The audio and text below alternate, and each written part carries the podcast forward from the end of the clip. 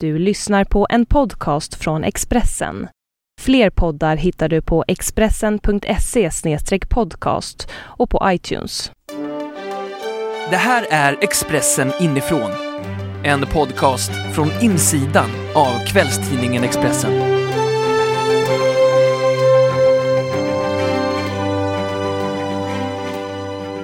Han är mannen som gick från Robinsonön rakt in i riksdagen. Han har erfarenhet av krim, nöje, ekonomi och politik och det är bara några av strängarna på hans lyra. Han är nyss fyllda 40 år och 320 personer kom för att fira honom på hans 40-årskalas. Kanske den mest omtalade födelsedagsfesten i modern tid. Han startade politikerbloggen.se, han har vunnit flera priser, skrivit en bok om Robinson och nu är han politisk reporter och programledare och Expressens kanske största ansikte utåt. En stor del av tv-satsningen Prime Time. Jag välkomnar ingen mindre än Expressens Niklas Svensson. Varmt välkommen. Ja, men tack så väldigt. Vilken presentation. Är du bekväm med den presentationen? Absolut. Ja. Ja då. Men alltså, krim, allmän reporter, ekoreporter, nöj, är du en mutant? eh, nej, men jag har gjort mycket under eh, mina dryga 20 år som journalist. Eh, och jag har alltid gillat att röra på mig och hoppa mellan olika områden. Så att eh, ja, på 20 år har det blivit ganska, ganska många områden. Det har det. Hur ofta vaknar du på morgonen och tänker, jag är en profil med bred kompetens? Nej, så tänker man inte när man vaknar på morgonen. Eh, då är det helt andra frågor som, som finns i huvudet. Då är det snarare, hur ska vi få ihop kvällens tv-sändning? Eller eh, hur ska vi sätta ihop eh, frågorna inför Almedalen och hur ska jag hinna med? Det är kanske den viktigaste frågan. Just det här med tv, Ex Expressen storsatsar ju på tv. Eh, om vi börjar där då, vad, vad, kan du berätta om den satsningen?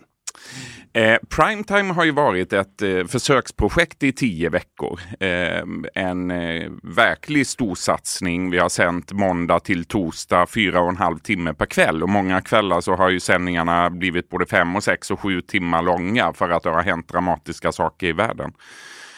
Den eh, satsningen är ett försök för oss på Expressen att möta nya tider och ny teknik och nya behov från läsarna och tittarna skulle jag säga. Eh, idag förutom att vi har ett ganska spännande teknikskifte så har vi ett ännu mer spännande beteendeskifte hos publiken. Alltså man tittar idag på tv på ett helt annat sätt än vad man gjorde för bara två år sedan. Idag tittar man på tv i mobiltelefonen, i läsplattan, i datorn på, på ett annat sätt än vad man gjorde förut. Och det är självklart för Expressen att vara ledande när det gäller att plocka andelar från den här ny, nya eh, nya sättet att titta på tv. Vad är eh, kvällstidnings-tvns styrka, ser du? Den stora styrkan är att vi är på plats och att vi har ett eh, ett eh, nyhetstänk som många andra saknar vid dramatiska nyhetshändelser. Vi är otroligt snabba. Det visade inte minst den här hemska händelsen i Boston när bomber föll där. Eh, eller bomber exploderade vid mållinjen till Boston Marathon och vi låg i direktsändning när det här hände av primetime. Eh, och på mindre än en och en halv timme så hade vi intervjuer live med svenskar som hade sprungit Boston Marathon och som stod vid målgången där bomberna hade exploderat. Hur gick det till? Alltså, vem, vem gjorde vad? Det fanns människor på vår redaktion som snabbt eh, plockade fram deltagarlistor eh, och eh, hittade de svenska namnen i deltagarlistorna. Och det var inte konstigare än att man helt enkelt bara googlade runt efter telefonnummer och sen ringde man alla mobiltelefonnummer som fanns på de här svensk, svenska namnen på startlistan. Och då fick man ju tag i människor. Så det var egentligen inte så svårt och så konstigt, men jag tror inte att eh, Sveriges Television och TV4 har erfarenheten att göra på det sättet. Vi har det. På kvällstidningarna har vi alltid jobbat på det sättet. Och att bara flytta över det tänket till tv gör att, eh, att det blir väldigt bra tv skulle jag säga. Du nämnde att eh, de som tittar på tv gör det på ett helt annat sätt och då så anpassar sig Expressen efter det. Men tror du att de etablerade tv-kanalerna anpassar sig efter Expressen?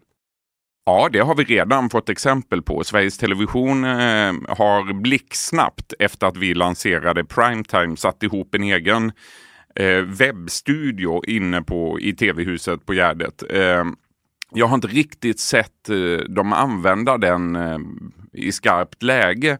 Jag vet att man, man sände mycket mer än vad man eh, gjort tidigare ifrån händelserna i Husby och Stockholms förorten när bilarna brann. Men jag har inte själv sett de sändningarna, men det var ju utan tvekan så att det var ett svar på Expressens satsning på primetime. Absolut. Varför tror du att du har blivit en så stor del i, i den här satsningen?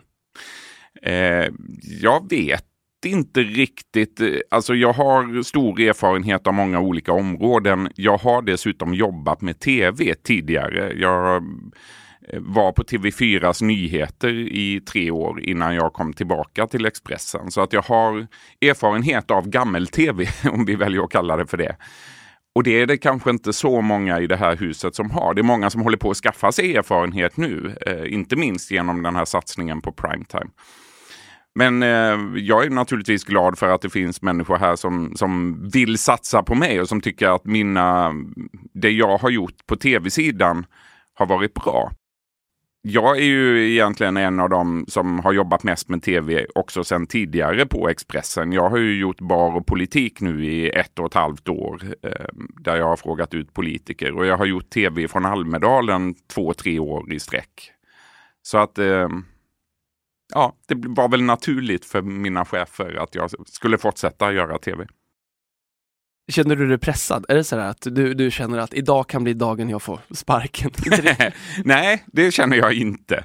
Eh, pressad kan man känna sig för att eh, tiden inte riktigt räcker till. Att man har eh, tagit på sig lite för många uppdrag. Det kan jag ibland känna.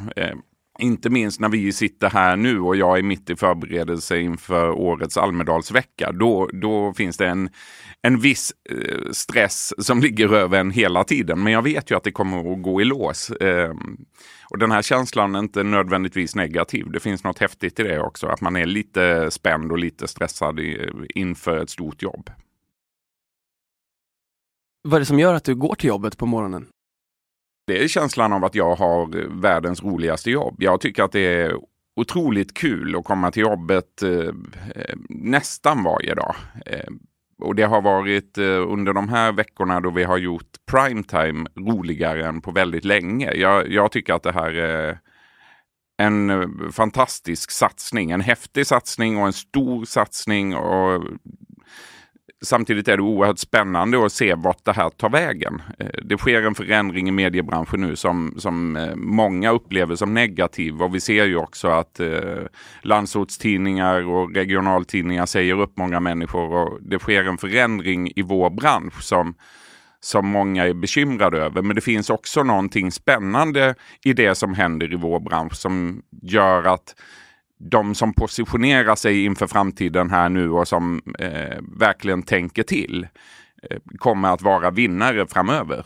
Det är jag helt övertygad om. Sen är det inte säkert att det är papperstidningen på lång sikt som är, den, som är vinnaren. Det tror jag de flesta ser idag att papperstidningen, papperstidningen den tappar. Men eh, det finns andra områden som vi kan ägna, åt oss, ägna oss åt i framtiden. Absolut. Expressens eh, editionschef Magnus Alslind var här och pratade framtidens journalistik och pressetik och sådär. Och han sa att i framtiden kanske Expressen är en framgångsrik tv-kanal som också ger ut en tidning, snarare än tvärtom. Ja, eh, eller ett framgångsrikt mediehus som finns i alla kanaler, som finns på sociala medier, som har en sajt som är välbesökt och som har en tv-kanal och som har allt det andra. Eh, ett stort mediehus. Och jag tycker nog egentligen att vi redan är där. Eh, även om vår eh, tv-satsning inte lockar lika många som Melodifestivalen i Sveriges Television när det gäller tittare så, så är vi ju idag ett mediehus som kan publicera sig i alla kanaler. Eh, och det tycker jag är häftigt. Vi låtsas att jag är, är, är tre år, så vi har redan snuddat det här, men vad innebär ditt jobb? Um, och så låtsas vi att du är tre år gammal. Alltså, så, ja, väldigt nu, pedagogiskt. Nu råkar jag ha en treåring hemma så jag vet ju hur jag pratar till honom. men eh, ja, väldigt pedagogiskt. Mitt jobb går ut på i första hand att, eh, att ställa makthavare till svars. Jag jobbar ju som politisk reporter idag. Eh, vända och vrida på frågor som är intressanta och att eh, avslöja sådant som någon vill dölja. Det är kanske min allra viktigaste och journalistikens allra viktigaste uppgift. Att, att avslöja det som någon makthavare vill dölja. Hur viktig tycker du att den rollen är? Oerhört viktig för demokratin. Att vi har eh, fria oberoende journalister och medier som eh, granskar makten. Det är A och O för ett samhälle som inte vill vara korrumperat eller som eh, eh vill hamna i... Ja, alltså det är ett sätt att motverka korruption i ett samhälle. Och, och det är eh, en demokratisk garant eh, med fria medier. Vi ska vara väldigt stolta och glada över att vi har fria medier i Sverige. När man är så pass profilerad som du, är det någonting som man måste brottas med i, i sitt jobb då? Eh, möjligen att man behöver brottas med en del fördomar, att människor har förutfattade meningar eh, om en det tror jag drabbar alla offentliga personer och jag är ju i, i någon utsträckning offentlig eftersom jag sitter i, i vår tv-studio varje kväll och att jag, jag syns stort i tidningen. Det är klart att människor har förutfattade meningar. Det får man acceptera och att, att eh, det förekommer eh, ja, men, eh, förtal eh, på nätet och sådär. Det får man också leva med som offentlig person och det är egentligen inget som, som stör mig i jobbet på något sätt. Jag har varit i den här positionen i så många år och jag har jobbat som journalist i så många år. Så att jag, ja, det kan jag leva med. Du eh, började på Sydöstran 88. Mm. Då var du ung. Då var jag ung, då var jag 15 år gammal. Mm. Kan du inte berätta om, de, om den Niklas? Hur gick tankarna där? För du är ju världens entreprenör nu, hur var du då? Jag var nog eh, en lika stor entreprenör som 15-åring. Eh, samtidigt som jag eh, jobbade då för Sydöstran Eh, och åkte runt med min moped och, och bevakade division 4-matcher i fotboll. så hade jag ett eget radioprogram. Jag var ordförande i en tennisklubb. Eh, jag gav ut en egen eh, liten tidning. Eh, allt det där gjorde jag ja. samtidigt som jag var elevrådsordförande i skolan. Och, Självklart. Ja. så att, ja, men det, jag hade nog svårt även som 15-åring att få timmarna att räcka till. Och startade väldigt många projekt. Det som möjligen har förändrats är att jag idag lyckas slutföra betydligt fler av mina projekt än vad jag gjorde som 15-åring. Ehm, men jag drömde nog som, ja, men som 14-15-åring om att, eh, om att bli journalist och att jobba på en tidning. Eller, då hade man inga tankar på mediehus eller att jobba i många olika kanaler. Men det var nog ändå det jag drömde om. För att jag ville på den, redan på den tiden jobba med radio, jag ville jobba med tv och jag ville jobba med tidning och helst alltihop samtidigt. Och där har jag hamnat idag, det är helt fantastiskt. Du pratade om att din roll nu är väldigt viktig för demokratin och, och sådär, och det håller jag självklart med om. Men den 15-åriga Niklas, fanns det andra motiv till att bli journalist eller? Ja, det gjorde det nog. Det var inte så att jag eh, som 15-åring slog mig för bröstet och sa att eh, jag kan förändra världen och jag ska motverka korruption. eh, nej, utan då fanns det nog andra drivkrafter. Eh, en drivkraft var naturligtvis att bevaka fotbollsmatcher och sedan eh, inse att alla mina kompisar och deras föräldrar och våra grannar hade läst det jag skrev. Den känslan av att, att man gjorde någonting som många människor tog del av och hade synpunkter på den var fantastisk. Det var som att eh, inbilla jag mig som för en artist att gå upp på en scen och möta en publik och känna att man har gjort någonting som, som eh, får igång publiken. Det var något häftigt i det där att, att ha gjort någonting som människor hade synpunkter på. Ville du bli känd? Nej, jag har, alltså det kan man ju, det kan man ju tro. Och vi har, jag har alldeles säkert ett drag av eh, att jag vill synas och, och, påverka att människor ska veta att det är jag som har, har skrivit den här artikeln eller gjort det här tv-programmet. Men jag har aldrig drömt om kändisskapet på det sättet. Det är inte så att jag, att jag har velat bli känd bara för att bli känd, utan i så fall så har nog drivkraften varit att bli känd för att ha gjort någonting bra. Att, att bli känd för att jag eh, avslöjade skandalen inom Vattenfall eller för att jag, eh, jag blir känd för att jag var med i granskningen som avslöjade 62 nazister 1999. Den typen av eh, kändisskap tar jag gärna. Men det är inte så att jag per automatik har i, i mitt liv har drömt om att bli känd. Nej. Du har gjort några rejäla avslöjanden. Jag tänkte att eh, jag tänkte gräva i dem mer om en liten stund. Men efter sydöstran så gick du till norra Skåne. Mm. Och där jobbade du ett tag. Och sen så enligt uppgift sen, det här kanske var lite senare, men du har varit en av Metros första reportrar. Mm. Kanske den allra första. Ja, det stämmer. Det stämmer. Ja. hur, hur, eh, hur känns det? Jo, men det var alltså det var egentligen så var det många tillfälligheter som, som gjorde att jag hamnade på Metro. Jag hade då varit på Expressen i 11 månader. Det var kristider i medierna redan då. Det här var 1994 eh, på hösten och jag blev utlasad eh, efter 11 månader på Expressen. Eh, den 28 september 1994 gjorde jag min sista arbetsdag här och det råkade vara samma dag som Estonia sjönk. Så att eh, hela medievärlden var ju upptagen med Estonia under flera månader egentligen. Och i det läget så skulle jag ut och börja frilansa efter 11 månader på Expressen. Och det insåg jag ganska snabbt att nej men, det är helt omöjligt. Det, det är ingen som, som bryr sig om eh, mig just nu för att alla jobbar med Estonia. Så räddningen för mig då som, vad var jag, 21, eh, 21 år i Stockholm, eh, hade varit här i ett och ett halvt år. Räddningen för mig blev att, eh, att ringa runt till eh, eh, arbetsplatser och att eh, ringa också arbetsplatser som ännu inte fanns. Och tidningen Metro var, var en av dem. Det cirkulerade rykten i hela mediebranschen om att Jan Stenbeck skulle starta en kvällstidning, men ingen visste vad det här var och projektet hade ju inget namn. Eh, men jag fick, eh, fick kontakt med två personer, Pelle Andersson och Robert Braunehjelm, som visade sig vara grundarna av Metro. Och de anställde mig på stående fot samma dag. Så att jag började jobba på Metro några månader innan första numret kom ut.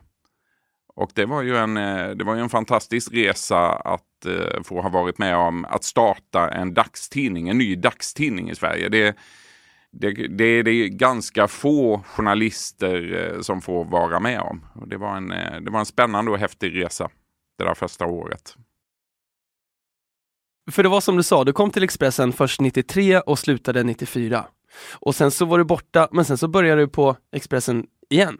Ja, jag var borta i ett år ungefär. Det var... Jag var borta så länge som jag behövde vara för att LAS-tiden skulle vara över. Ah, okay. så att jag kom tillbaka på ett eh, nytt vikariat på Expressen så snabbt jag kunde. Var det trist på Metro? Eller vad? Nej, men Metro passade inte mig riktigt. Eh, jag gillade de stora rubrikerna och jag gillade sättet att berätta på Expressen. Eh, Metro var mer av en morgontidning och det passade inte riktigt mig. Eh, morgontidningarna, jag har många gånger genom åren haft anledning att fundera på om, jag, om, om morgontidning vore min grej, men har alltid kommit fram till att nej, jag, jag gillar de stora rubrikerna och det höga tonläget och tycker att eh, både eh, våra konkurrenter och vi är fantastiska på att berätta historier eh, på ett sätt som tilltalar mig. Det, för, för mig så har, har det egentligen aldrig funnits något alternativ till, till Expressen.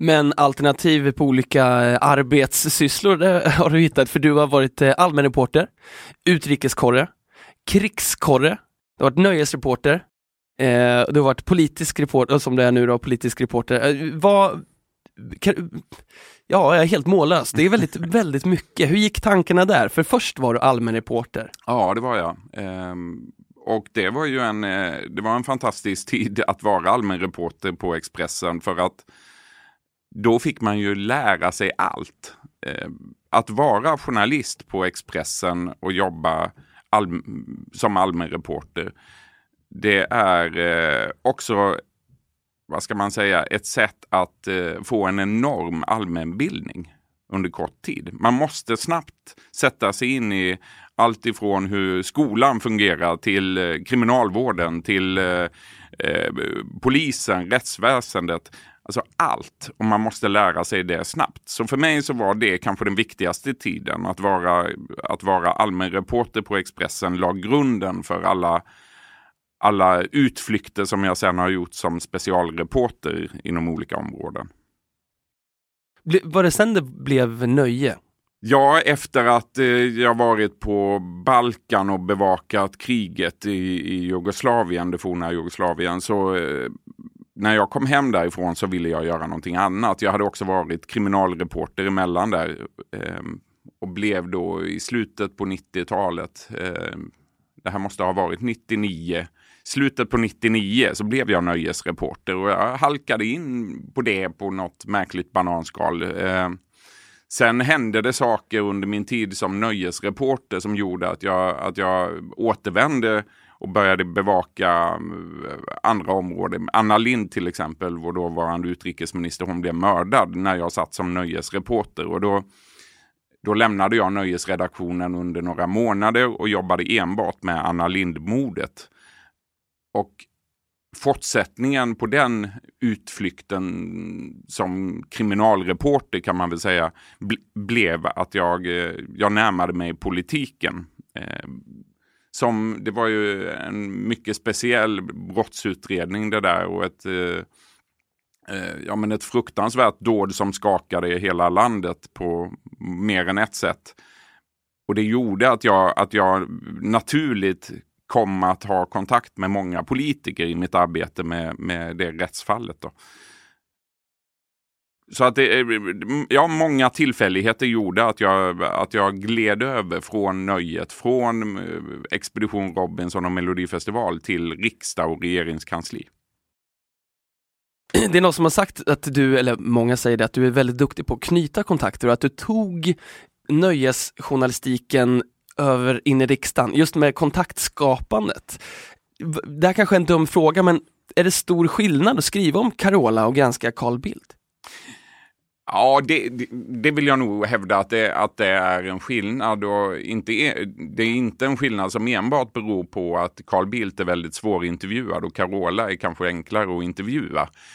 Um, att tränga på djupet ner i eh, utrikesdepartementets eh, verksamhet är betydligt svårare än att göra det på ett, eh, på ett skivbolag eller vad vi nu ska jämföra med i nöjesvärlden. Tycker jag. Men, men det finns också väldigt många likheter. Eh, I sättet att bygga kontakter så gör jag ju på samma sätt. Oavsett om det är eh, dokusåpastjärnor, politiker eller poliser eller åklagare som jag, som jag vill ha kontakt med så jobbar jag ju på ungefär samma sätt. Eh, och det handlar ju på något sätt om att bygga förtroende. I vår bransch så eh, är förtroende A och O. Om inte människor har förtroende för dig som person så kommer de heller inte att ringa dig med sina tips när det verkligen, när det verkligen gäller. Och det har jag varit väldigt mån om, att jobba med förtroendet. Att, eh, att bygga förtroende med nöjesmänniskor, politiker och poliser och åklagare och allt däremellan. Det var ett tips som kom eh, till dig som handlade om att någon hade fått en bild på Göran Persson. Ja, ja det, var, det, det var eh, fantastiskt. Berätta den historien. Ja, en söndag eftermiddag på Expressen. Det här var 1996, tror jag.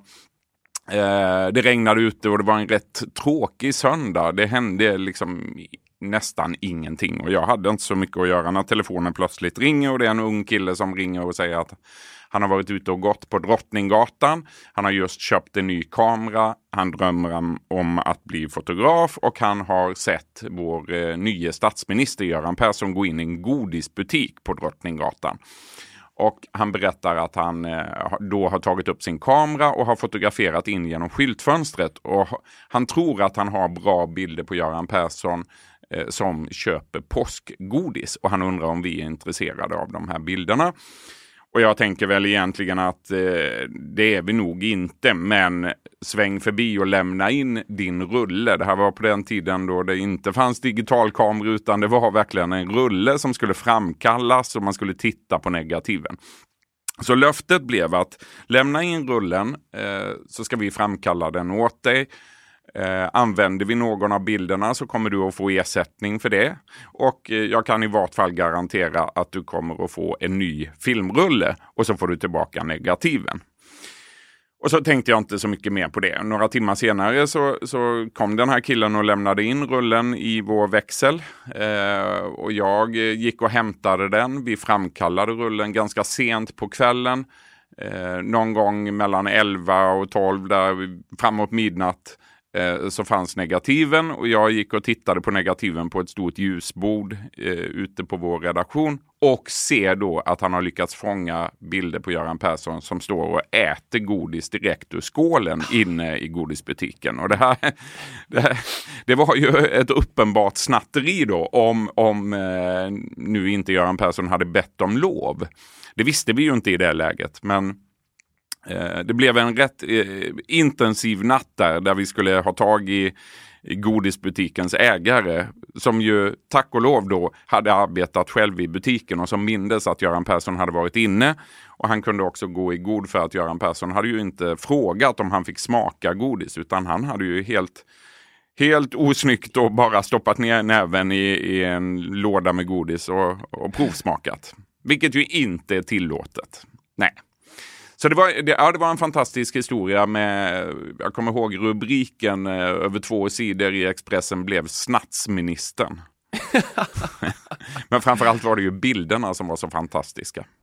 Det kändes inte som att han var första gångs förbrytare heller på, no på något konstigt sätt eller? Nej, jag vill nog hävda att det var inte första gången han smakade godis i en butik, men det var nog sista. Uh, han, uh, ja, jag tror inte han har gjort om det efter det där. Ska vi ta en liten paus? Ja, men det gör vi. Jag går och hämtar en kopp kaffe. Kanon. Det tycker jag låter jättebra. Jag tar jättegärna en kaffe, Niklas.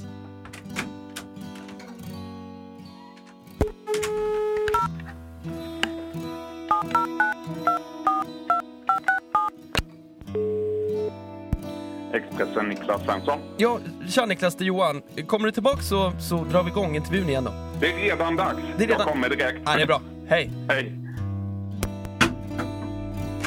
Ja, vad bra. Kom in. Okej.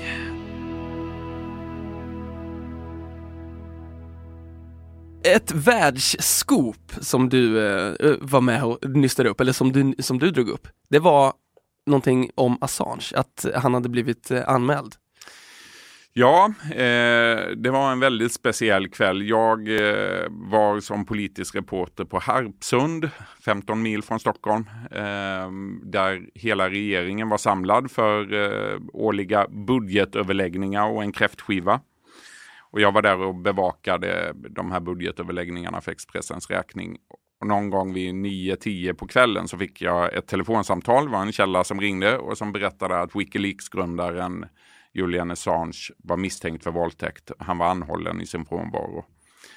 En helt sensationell uppgift eh, naturligtvis. Jag ringde då eh, direkt efter det samtalet till eh, mina chefer på redaktionen på Kungsholmen som då hade via en annan reporter fått exakt samma information. Så att vi var två stycken som hade fått samma information från olika håll om att Julian Assange eh, skulle vara misstänkt för det här brottet. Och jag eh, insåg ju då att det var bara att, att, lägga ner bevakningen av Harpsund och snabbt som sjutton ta sig därifrån. Liksom. Så att jag, jag åkte blixtsnabbt ifrån Harpsund tillbaka till redaktionen och sen jobbade jag hela natten med den här historien. Som ju visade sig stämma. Och det blev, eh, ja som sagt, det blev ju ett världsskop dagen därpå. Vi publicerade ju, vi gjorde ju det ovanliga vid det tillfället också, att vi publicerade hela storyn på engelska på vår sajt. Vi insåg ju att intresset skulle bli stort internationellt. Eh, och på morgonen eh, när den här historien briserade, när vi avslöjade det, eh, så började min telefon ringa och det var det slut, den slutade inte ringa på ett par veckor kan jag säga. Det var nyhetsredaktionen från hela världen som ringde. Eh, apropå det som hade hänt. CNN var en av de första som ringde. De ringde från Atlanta eh, tidigt på morgonen och ville att jag skulle vara med i, i, deras sändningar, vilket jag inte var. Jag valde att inte medverka i några eh, externa medier överhuvudtaget de här dagarna. Utan koncentrerade mig på den egna bevakningen. Men det var naturligtvis en... Det var ju en, en extremt offentlig person som befann sig i, i Sverige och en mycket, mycket känd människa i hela världen som, som plötsligt var anhållen i sin frånvaro. En, en otrolig historia. Det har pratats om korruption och att det är påhitt och sådär. Det... Ja, ja eh, Wikileaks har ju, har ju överträffat sig själva i, i eh, alla märkliga versioner som man har skickat ut. Man, man ville ju få det till att Eh, CIA eh, låg bakom mediernas eh, publiceringar och i Expressens artiklar i synnerhet. Men eh, jag kan garantera att det inte var några CIA-agenter som talade om för mig vad jag, ska vad jag skulle skriva. eh, det där var ju rena fantasier naturligtvis som spreds av stressade människor i, inom Wikileaks. Jag, jag själv tänkt korruption överlag, alltså få ihop en sån här grej, eh, en sån plan. Jag tycker det är svårt att, att rodda en lördagkväll. alltså. Ja, ja du har helt rätt. eh, naturligtvis eh, var det inte, fanns det, över, det fanns överhuvudtaget eh, ingen påverkan från något håll när det gällde publiceringarna som gjordes kring Julian Assange. Absolut inte ett av dina andra eh, stora, väldigt stora skop som, som vi var inne på, eller, eh, det var avslöjandet när ni, eh, nazistfallet tänker jag på, mm, och mm. bildpublicering och namn på, på dem. Berätta lite kring det, var det lika viktigt med kontakter då? Ja, det var, då var det oerhört viktigt med kontakter, inte minst i polishuset och inom säkerhetspolisen och så. Vi fick ju mycket information den vägen. Eh, det var en, eh, en mycket ovanlig publicering och ett, eh, det mest speciella jobbet jag någonsin har varit med om att genomföra. Vi, vi gjorde ju det i samarbete med tre andra tidningar. Expressen, Aftonbladet, Dagens Nyheter och Svenska Dagbladet gör alltså ett journalistiskt jobb tillsammans.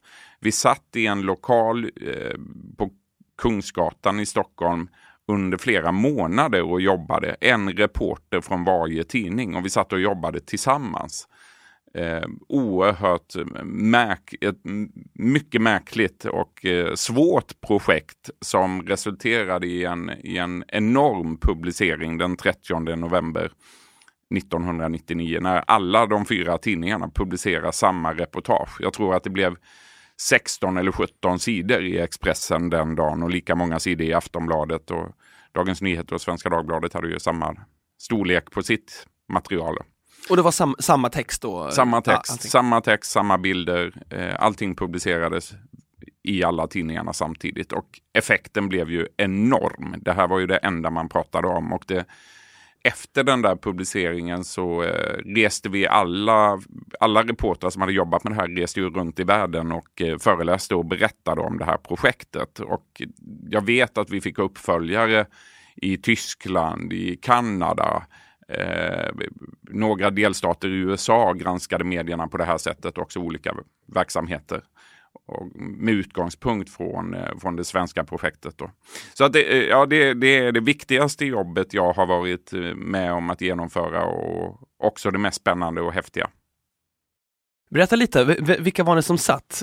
Minns du vilka du jobbade med? Ja, det, jag minns vilka jag jobbade med, men det var så att av säkerhetsskäl så valde vi att, jag kan ju tycka att det var fel, men vi valde att inte publicera våra namn i anslutning till eh, de här texterna vid den stora publiceringen. Och två, två av reportrarna i den här gruppen har ännu inte eh, mer än tio år senare berättat att de var en del av det här projektet. Så att eh, det är faktiskt fortfarande hemligt vilka, vilka jag jobbade med. Jag valde väldigt tidigt att gå ut och berätta om att jag hade jobbat med det här. Eh, och jag gjorde det för att eh, jag ansåg att, att, det var, att det var säkrare gentemot högerextremister att gå ut och berätta eh, att jag hade varit en del i det här än att inte göra det. Mm. Det var min analys eh, av säkerhetssituationen. Men, men jag förstår samtidigt mina kollegor som hade små barn och som, som var rädda. Så att eh, ja, nej, det är hemligt vilka som jobbade. Men vad spännande. Mm. Men eh, jag tänkte följa upp eh, för att jag missade det förbi farten, men du sa att du ville, efter att du hade varit krigskorre så gick du över till nöjet. Mm. Va, va, va, var, det, var det något speciellt som hände där borta? Eh, ja, inte mer än att jag nog kom fram till att, eh, att vara krigskorrespondent passade inte mig. Det var ingenting som, som jag vill göra igen. Eh, att jag har var, besökt många oroliga områden efter det. Men att, eh, att vara krigskorrespondent, att bara jobba med det, med det och se eländet, eh, det, det, är ingenting som passar mig. Jag, jag minns en av, de, en av de starkaste bilderna ifrån kriget i, på Balkan var när jag befann mig i Makedoniens huvudstad Skopje och stod vid gränsen och såg eh, en liten, liten kille. Han kanske var två år gammal, sluta andas två meter ifrån mig. Då kände jag att nej, det här är för mycket, det här är inte min grej. Det finns journalister som gör det här så mycket bättre än mig. Ehm, men, men, det var, men det var inte så att min tid som krigskorrespondent där, och det var ju en ganska kort tid som jag, som jag var på Balkan. Eh, att, det, att det handlade om några veckor som jag bevakade kriget där nere. Och det var inte det som var skälet till att jag blev nöjesreporter när jag kom hem. Det kan man ju tro eh, att jag, att, att jag fick en sån smäll där nere så att jag ville göra något helt annat. Så var det inte riktigt, utan det blev bara naturligt att eh, det fanns väl någon lucka på nöjesredaktionen och jag ville göra något annat. Och eh, tyckte att det var fantastiskt kul med Melodifestivalen och Expedition Robinson. Jag har alltid gillat Expedition Robinson sedan starten 97 och har tyckt att det har varit ett, ett tv-program som, som har gett eh, publiken väldigt mycket. På den här tiden när Expedition Robinson drog igång så, så var ju publiciteten enorm. Det hände ju saker under första säsongen som gjorde att uppmärksamheten blev enorm på det här tv-programmet. Eh, den första deltagaren som röstades ut i Expedition Robinson tog livet av sig. Och uppmärksamheten var som sagt enorm. Och det var ett tv-program som, som, fick, som förändrade sättet att göra underhållnings-tv i hela världen. Eh, Expedition Robinson spelas ju fortfarande idag in i, jag vet inte hur många länder, men 20-25 länder sänder ju Expedition Robinson eller Survivor fortfarande. Ja, men det var spännande att vara nöjesreporter i slutet på 90-talet. Det var därför du och Martin Melin skrev eh, en bok tillsammans? Ja, eller jag skrev boken och Martin Melin skrev förordet till ah, min ja. bok. Ursäkta. Egentligen. Nej, det, var det var mycket jobb med den där boken, men det var också ett roligt jobb att göra. Från eh, nöje till politik igen med Anna Lind och vidare till eh, någonting som hände 2006. Ja. Eh, vad hände då? Ja, det som hände 2006 var du tänker ju på det som hände i valrörelsen. I slutskedet av valrörelsen så avslöjar Dagens Industris reporter Fredrik Sjöshult, som ju idag är en nära arbetskamrat till mig här på Expressen. Han avslöjar i Dagens Industri att det har förekommit dataintrång eh, mot Socialdemokraterna. En enskild socialdemokrat eh, hade fått sin mail hackad. Eh, någon eller några hade varit inne och läst hans mejl och gått igenom hans mejlkorgar. Eh, man kunde se att det här var eh, dataintrång som hade förekommit under ganska lång tid och det var intrång som kom ifrån många olika datorer. Eh, den här historien avslöjas i, i Dagens Industri och det, den får enorm effekt sådär två, tre veckor före ett val när det visar sig att ett gäng folkpartister eh, ligger bakom de allra flesta dataintrången. I, eh, som en del i hela den här historien kommer det också fram att en journalist har eh, loggat in med lösenordet Sigge och med användarnamnet Sigge. Det var ju inte en eh, särskilt komplicerad inloggning eh, till det här kontot och de här lösenorden de spreds ju. Eh, en, en eh, kontakt som jag hade Eh, hade hört av sig och sagt att om du använder dig av lösenordet Sigge och användarnamnet Sigge på den här adressen så finns det en massa spännande information där om hur Socialdemokraterna har lagt upp sin valrörelse. Här finns det skandaler, eh, som det uttrycktes. Och jag tänkte väl egentligen mig inte för när jag loggade in där. Eh, mitt konstaterande var när jag hade använt mig av uppgifterna var att, att det fanns inget spännande. Det fanns inget journalistiskt intressant där. Eh, och så tänkte jag inte mer på det. Det gick någon månad eh, eh, och sen så loggade jag in igen eh, för att kolla om det hade hänt något, om det fanns någon ny information där. Det gjorde det inte. Eh, så det blev aldrig någon publicering i Expressen. Och sen briserade den här skandalen då eh, om dataintrången. Och då kommer det ju fram att en journalist på Expressen har loggat in. För jag hade ju, jag hade ju loggat in ifrån Expressens redaktion. Jag satt ju Eh, några rum bort ifrån där vi sitter nu eh, när jag gjorde det här utan någon större tanke. Men det slutar i vart fall med att jag eh, tillsammans med ett gäng politiker eller förtroendevalda folkpartister eh, blir åtalad i Stockholms tingsrätt för dataintrång. Eh, och jag får, eh, får sen dagsböter för att jag har loggat in i det här nätverket. Och det är då som du Eh, få sluta på Expressen? Ja, eh, eller det är så att från början så vill vår dåvarande chefredaktör att jag ska byta arbetsuppgifter. Han vill inte att jag ska skriva i tidningen under tiden som den här utredningen pågår. Eh, och det accepterar inte jag. Eh, jag vill inte sitta i något kylskåp. Jag, eh, jag är fullt medveten om att jag har begått ett fel. Det var fel att, att logga in här. Eh, Samtidigt som jag tyckte att det här felet inte var så allvarligt. Ehm, men eh, vår dåvarande chefredaktör Otto Sjöberg. Otto Sjöberg ville att jag, eh, att jag inte skulle skriva i tidningen under tiden som utredningen pågick. Och det, det slutade då med att vi förhandlade om eh, villkor för att jag skulle sluta. Och det var ju på eget initiativ. Jag sa upp mig och eh, kom överens med tidningen om villkor för hur den här uppsägningen skulle gå till.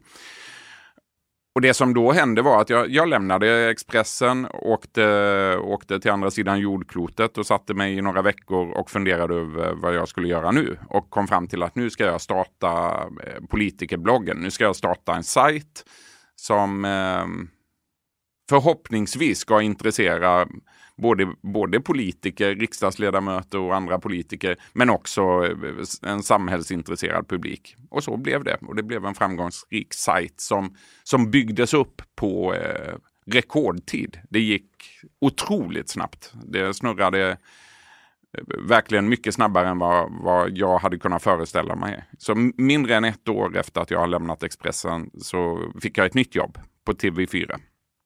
Som köpte politikerbloggen? Som köpte politikerbloggen av mig, ja. Mm. Jag är intresserad av att veta hur, hur det kändes hur kändes det, liksom, hur kändes det i magen när, när den här dataintrångs, eh, att sluta på Expressen, hela den processen, var den smärtsam? Ja, men det var, det var eh, svåra dagar. Jag minns att det var alltså dagarna runt avslöjandet och där när, när jag själv inte riktigt hade kontroll över situationen, när jag inte visste hur allvarligt det här egentligen var. Var kommer det här att sluta? Ehm, det var en obehaglig tid eh, och det var väldigt tuffa, tuffa dagar. Jag insåg ju att, att eh, det kunde gå riktigt illa om, om det var så att, att bilden av att det jag hade gjort Eh, Eh, blev att det var något mycket, mycket allvarligt. Då skulle effekten kunna bli att jag inte kan jobba mer som journalist och vad ska jag göra då? Det här är ju det enda jag kan. De känslorna fanns för den tiden, men ganska snabbt så, så fick jag ju stöd ifrån människor i branschen. Det gick ju bara några dagar, sen började, började kollegor till mig ställa sig frågan hur skulle jag ha gjort om jag hade fått de här uppgifterna? Eh, jag minns att jag, jag satt i Nyhetsmorgons soffa i TV4 och skulle kommentera det här när eh, programledaren vid det tillfället ställer frågan till sig själv. Hur skulle jag ha gjort? Jag skulle nog ha gjort som du, säger han. Eh, och det blev på något sätt för mig en bekräftelse på att det här ändå inte var så allvarligt. Det var fel, det var brottsligt. Eh, jag straffades ett år senare i Stockholms tingsrätt för dataintrånget. Men det var inte så allvarligt. Och dessutom så fanns det en, en eh, bild av det, det jag hade gjort som, som på något sätt komplicerades av att lagstiftningen inte följt med i den snabba teknikutvecklingen. Det fanns här luckor i lagen som, som visade till exempel att om jag, hade påst om jag hade sagt till min källa att kom till redaktionen, sätt dig bredvid mig och logga in på min dator. Gör det du. Ja, då hade jag inte blivit straffad, men jag hade ändå kunnat ta del av allt material. Eh, eller om jag hade bett personen som gav mig lösenordet att eh, själv logga in och printa ut det och ge mig det i pappersform. Då hade det heller inte varit olagligt. Så det, det var ett, ett snurrigt eh, resonemang som kom igång efteråt och som eh, egentligen inte har lett, eh, lett vidare. Lagen ser fortfarande ut som den gjorde 2006. Eh, men det är inte helt okomplicerat det där med, med eh, hur man ska se på information som, som finns på, en, på nätet. Alltså det finns, som journalist så har ju jag en helig regel och det är att alltid skydda mina källor. Men i det här fallet så, så hade, hade jag kunnat luta mig mot källskyddet och helt gått fri eh, ifrån det jag hade gjort egentligen. Genom att visserligen ljuga, men, men om jag nu hade valt att, att göra det den vägen och hänvisa till källskyddet, eh, då hade jag inte kunnat bli straffad. Och det, på något sätt så är det, är det lite absurt i den här historien kan jag tycka. Hur var det att få ihop eh, privatlivet under den här tiden? Ja, men jo, men det gick. Eh, jag var vid den tiden gift med en kvinna som också jobbade på Expressen som, som eh, varit journalist i många år och som, som förstod hela situationen. Och jag umgicks ju med väldigt många eh, kollegor, branschkollegor. Eh, mitt umgänge bestod vid den tiden av väldigt många journalister. Idag så har jag har jag ett något bredare umgänge än vad jag hade vid den tiden. Men, men eh, det gjorde naturligtvis att jag ändå kände mig ganska trygg i, i situationen. Jag hade många att prata med och eh, privatlivet skulle jag säga påverkades inte i någon större utsträckning. Det är klart att de där första dygnen när jag var väldigt chockad över utvecklingen och det som hände och jag inte visste vad som skulle vad som skulle hända med mig som journalist. Det är klart att det var påfrestande också för, för mina anhöriga, men, men det gick över ganska snabbt. Kul att det gick så, så himla bra för politikerbloggen också. Ja, det var otroligt roligt. Det blev ju på något sätt en, en eh, revansch, eh, en snabb revansch. Eh, och jag upplevde det också som en revansch, att jag så snabbt kom tillbaka och att poli politiken och politikerna inte ansåg att det jag hade gjort 2006 var så allvarligt. Utan partiledare och ministrar och oppositionspolitiker, de kastade sig över politikerbloggen nästan från dag ett och tyckte att det var en bra och spännande satsning. Det var kul naturligtvis apropå bredare kontaktnät, eh, Jan Johansen, Martin Melin och Camilla Läckberg, eh, Riks Morgonzoo-gänget, eh, Fredrik Federley, Lars Ohly, eh, kända SVT-profiler och TV4-profiler. Alla de här människorna var på din 40-årsfest. Ja, 320 personer kom. Ja, något sånt. Och det var Anna Maria Corazza Bildt och Thomas Bodström stod och minglade där och det, det, det blev, det, det, hände någonting. den, den här festen blev väldigt omtalad. Varför blev den det? Ja, den blev väldigt omtalad för att eh, det var en okonventionell fest på det sättet att jag som journalist eh, bjuder in en massa människor som jag är eh, satt att granska eh, och bevaka i min roll som journalist. Men jag tycker ju att man min inställning är och har alltid varit att jag som journalist har, har mycket att vinna på att eh, att umgås med dem jag granskar. På det sättet så får jag nya tips och nya historier. Eh, men det viktiga är ju rågången här. Det viktiga är att alla eh, är medvetna om att jag i första hand är journalist. Och det allra viktigaste är kanske att, att jag tar det på allvar. Att jag visar att när det verkligen gäller så granskar jag de här människorna. Det spelar ingen roll att de har stått och druckit vin på min fest. Eh, utan eh, om Fredrik Federley använder kokain så kommer jag att avslöja det om jag får veta det. Och det är precis vad som har hänt. Jag har ju berättat, det var jag som berättade och avslöjade historien om att eh, centerpartisten Fredrik Federley använde kokain. Och eh, jag har avslöjat alla politiker egentligen eh, granskat alla partiledare, alla politiska partier genom åren och ingen har kunnat visa att jag har eh, förfördelat eh, på något sätt på grund av privat umgänge. Och det är det viktigaste för mig.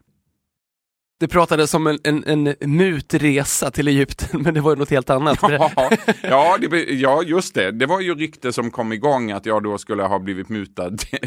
eh, vilket naturligtvis inte stämde. Men eh, presenterna som jag fick på den här festen eh, var presentkort till eh, en resa. Jag önskade mig resecheckar. Nu ska det väl, eh, ska, man, ska vi då vara tydliga med att alla hade inte presenter med sig till festen heller. Utan det, jag fick ett berg av blommor eh, som jag gärna hade varit utan. Men och, om det hade varit möjligt hade jag gärna översatt dem till resecheckar, eh, alla blombuketter. Men, men eh, nej då, jag betalade fullpris på min resa till Egypten med familjen, det kan jag garantera. Hur kommer din 50-årsfest se ut? Och för andra, är jag bjuden? ja, ja.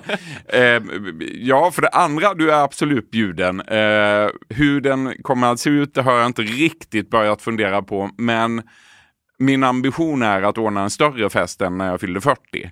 Jag hoppas kunna bjuda ännu fler eh, till min 50-årsfest. Är partiledarna inbjudna? Det var de inte, det var bara Gustaf Fridolin som var Ja, och Gustav Fridolin eh, var ju bjuden och Gustav ska vi ju då komma ihåg har jag varit arbetskamrat med på TV4. Han jobbade som journalist på Kalla fakta när jag var på TV4 Nyheterna. Eh, ja, det är möjligt. Jag, jag håller det inte för helt uteslutet. Nu vet vi ju inte vilka som är partiledare om tio år. det förutsätter att det är människor som, som eh, men jag, ville, jag ville med min fest skapa en, en spännande blandning av gäster där många människor eh, kunde få nya kontakter. Det var, en, eh, ett slags, eh, det var någon som gjorde jämförelsen med Almedalen och som menade att min 40-årsfest var ett Almedalen i miniatyr. Och det var väl lite det jag ville uppnå med den här festen. Eh, och om jag kan bygga ett ännu lite större Almedalen till min 50-årsfest så gör jag gärna det. Du har många vänner. Är du utsatt för fiender, tänkte jag säga, men är du utsatt för näthat? Ja, men det, som sagt, jag tror att alla offentliga personer är det mer eller mindre. Eh, många har synpunkter på det jag gör, det jag skriver i tidningen. Många har synpunkter på tv-programmen som jag gör. Och det är helt naturligt. Eh, näthat för mig är... Ja, men vad är näthat egentligen? Ja, om, om jag funderar på vad näthat är så är det, då, då, det, det är ett hat som gör att jag skulle må dåligt eh, för mig. För mig är det näthat. Att det är sånt som publiceras på nätet som gör att jag mår dåligt. Och det, då känner jag mig ändå rätt förskonad. Det är väldigt sällan jag ser någonting på nätet som, som gör att jag mår, mår dåligt. Liksom, eller börjar fundera över om jag, om jag verkligen har valt rätt som, som jobba med det jag gör. De tankarna har egentligen aldrig slagit mig. Och det är det viktiga. Men jag vet ju att många offentliga människor känner sig utsatta och hårt drabbade på nätet. Jag vet inte, jag har, jag har jobbat med så många olika saker på Expressen och har sett och hört så mycket genom åren ifrån så många olika människor så att jag tar väl inte riktigt till mig. Jag har nog skaffat mig själv ganska en ganska hög tröskel för eh, när jag blir påverkad personligen eller privat. Du har eh, sagt att du privat har funderat över hur bra du är som pappa. Ja, eh, och det är en, en sån sak funderar jag över ibland. Eh, jag har en eh, nioårig dotter, en, bo, en nioårig bonusdotter och så har jag en treårig son.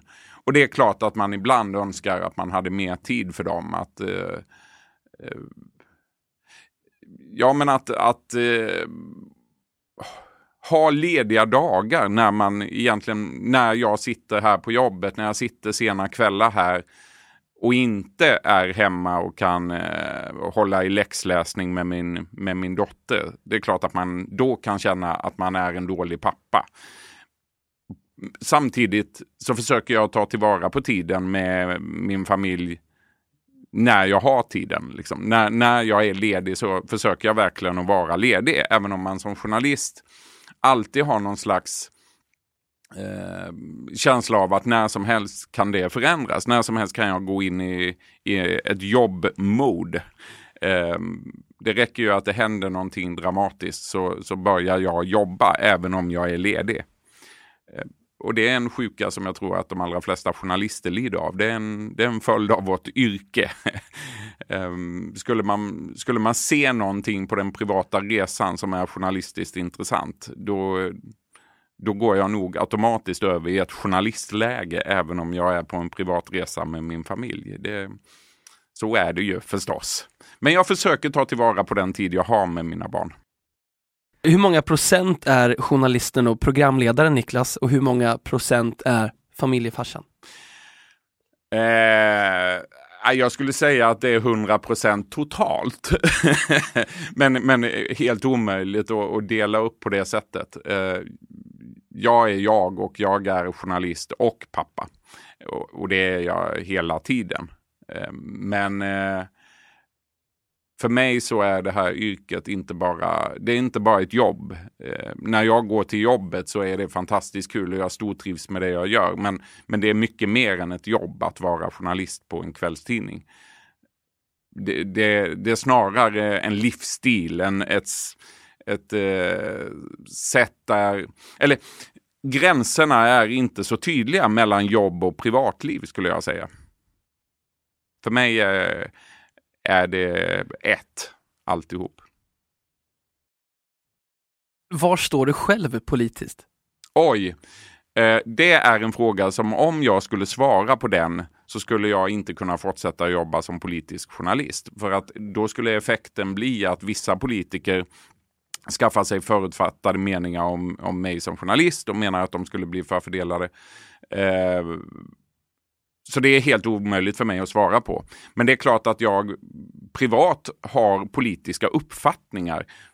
Men i min, i min roll som journalist så, så, så är, är det allra viktigaste att behandla alla på samma sätt, att granska alla politiker på samma sätt, att, att eh, i första hand alltid inse själv och gentemot läsare och tittare att jag är journalist. Det är helt ointressant eh, vad, mina polit vad jag står i enskilda politiska frågor. För jag är en, en eh, journalist som, som eh, i alla läger sätter journalistiken före mina privata åsikter.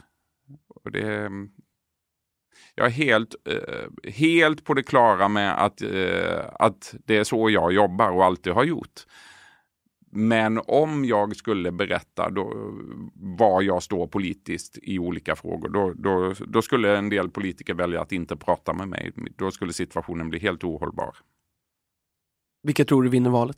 Jag tror att det kommer att bli en otroligt spännande valrörelse. Jag tror att eh, det kan bli så, men jag är inte säker. Det kan bli så att Stefan Löfven blir statsminister efter nästa val.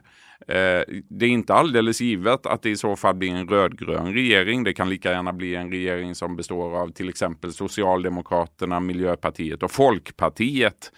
Eh, jag tror att eh, vi kommer att få se många spännande inviter från olika håll och det är helt öppet hur en regering ser ut efter nästa val skulle jag säga. Varför tror du att SD har, har växt sig så starka? Eh, jag tror att, och det är det jag hör när jag talar med människor som, som säger att de röstar på Sverigedemokraterna och tänker rösta på Sverigedemokraterna. Jag tror att det är missnöjet med hur det fungerar i samhället idag. Missnöjet med en arbetslöshet som eh, stiger. Eh, som gör att missnöjespartiet Sverigedemokraterna lyckas så bra. Vi såg det här i början på 90-talet med Ny Demokrati också. Det var också ett eh, utpräglat missnöjesparti som fokuserade på eh, eh, några enskilda frågor eh, och som inte hade helhetslösningar. Eh, som inte hade ett, ett helt paket för hur man skulle lösa andra problem än invandringen. Ehm, och, och missnöjespartier kommer alltid i, eh, i, i osäkra tider att nå framgång, tror jag. Och för mig så är, eh, eller som jag ser på det idag, så är Sverigedemokraterna i stor utsträckning ett missnöjesparti. Hur det kommer att gå i valet nästa år, högst oklart. Eh, det skulle inte förvåna mig om Sverigedemokraterna blir större än vad de ser ut att vara i opinionsmätningarna idag. De kan bli ännu större, tror jag. Avslutningsvis eh, Niklas, eh, två snabba ja eller nej-frågor. Eh, helt fritt ifall du vill välja att utveckla. Stämmer det att du avföljde bakjour på Twitter efter att de hade varit på din 40-årsfest och utlovat någonting som de inte höll? eh, Eh, sanning med modifikation. Ja, det stämmer att jag en tid efter min 40-årsfest avföljde eh, bakjour. Och det gjorde jag för att jag tyckte att, att eh, deras sajt hade förändrats. De var inte eh, längre lika roliga. De var mer elaka än roliga. Eh, och inledningsvis så var bakjour, tyckte jag, både roliga och elaka. Men mot slutet så tyckte jag bara att de var elaka. Det hade ingenting med deras medverkan på min 40-årsfest att göra.